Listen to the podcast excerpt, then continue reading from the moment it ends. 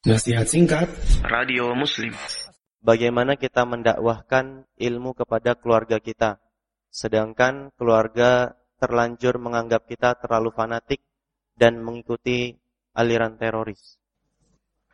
Akhi Memang subhanallah ya Hal-hal seperti ini sebuah tantangan dalam kehidupan kita.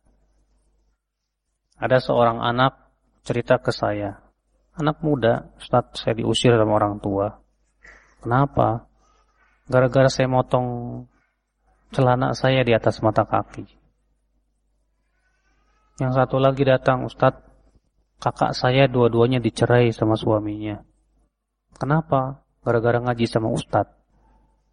Masya Allah, selalu aja luar biasa cobaan demi cobaan itu menerpa. Antum baru disebut teroris saja udah keder.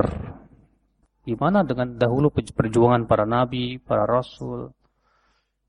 Maka kita harus punya sifat jiwa kuat dan tegar dalam berpegang kepada sunnah Nabi SAW.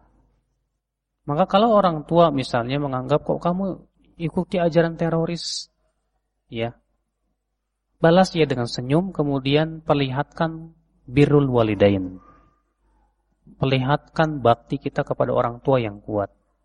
Sehingga orang tua berpikir, kok anak saya setelah ngaji ini tambah bakti ya. Masya Allah. Nak, kamu ngaji di mana nak? Itu di Ustadz Afifi. Wah, saya mau dong ikut. Alhamdulillah. Gara-gara apa? Akhlak. Terkadang kita ya dengan akhlak orang jadi tapi kalau antum sudahlah dianggap teroris, sudah gitu sama orang tua kok habis ngaji, tambah melawan, tambah melotot, tambah lagi antum disebut teroris. Bener berarti anakku ini teroris ini. Iya. Nah, ini kalau itu kita juga introspeksi diri. Apakah selama ini akhlak kita kepada orang tua kita sudah benar apa belum gitu kan? Sehingga pada waktu itu anggapan-anggapan teroris itu pun akan hilang dengan ya sikap kita yang baik kepada orang tua Allah